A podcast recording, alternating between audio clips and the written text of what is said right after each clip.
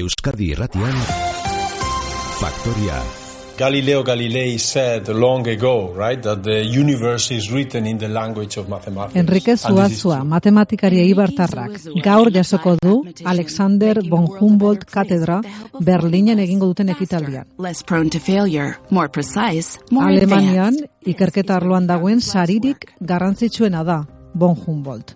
Fundazioak urtero aitortza egiten die Alemaniatik kanpo lan egiten duten ikertzaile prestigiodunei eta zuazua da hoietako bat. Matematika aplikatuen alorrean lan egiteko jaso du katedra zuazuak bost urtez Alemanian ikertzeko. Try to live one day without mathematics. Then you cannot use your credit card, you cannot make an appointment with your friends or family members. Enrique Zuazua egunon, Egun hon. eibartar bat ez omen da sekula urduri jartzen, baina Ez, bai. baina igual pixka bat gaur bai, ez? Ke ba, ez, eh, bueno, nik usten dut, eh, oituta gaude, ez, irakasleak gu begira, eh, normalean matematikarien eta beste arlo guztietan bezala, ez, sartzen gara unibertsitatean amazortzi urterekin eta gero ez gara ja, gara iago handik ateratzen, ez.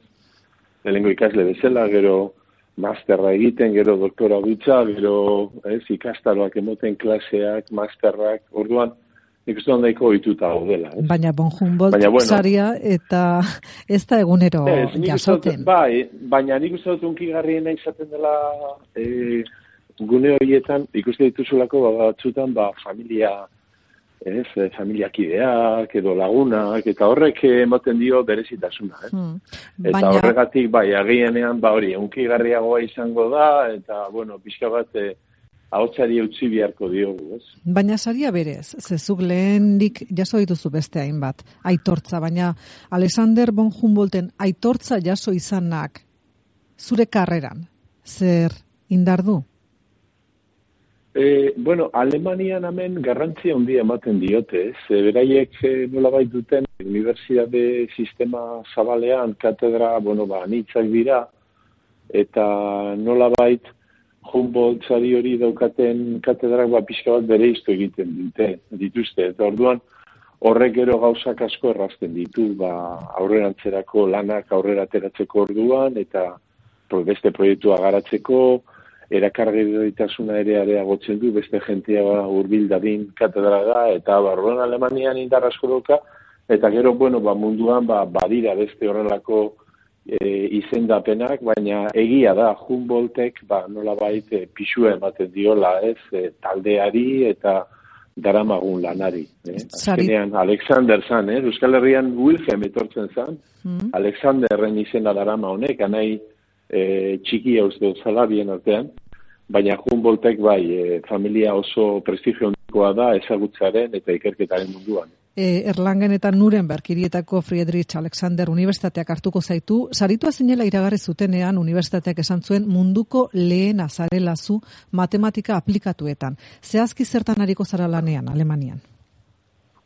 E, bueno, han Erlangen eta Nuremberg iria da e, Siemens, Adidas, da Scheffleren entrepresen e, gunea, ez? Orduan da, ba, high-tech e, teknologia berritzaileen gune nahiko dinamiko bat.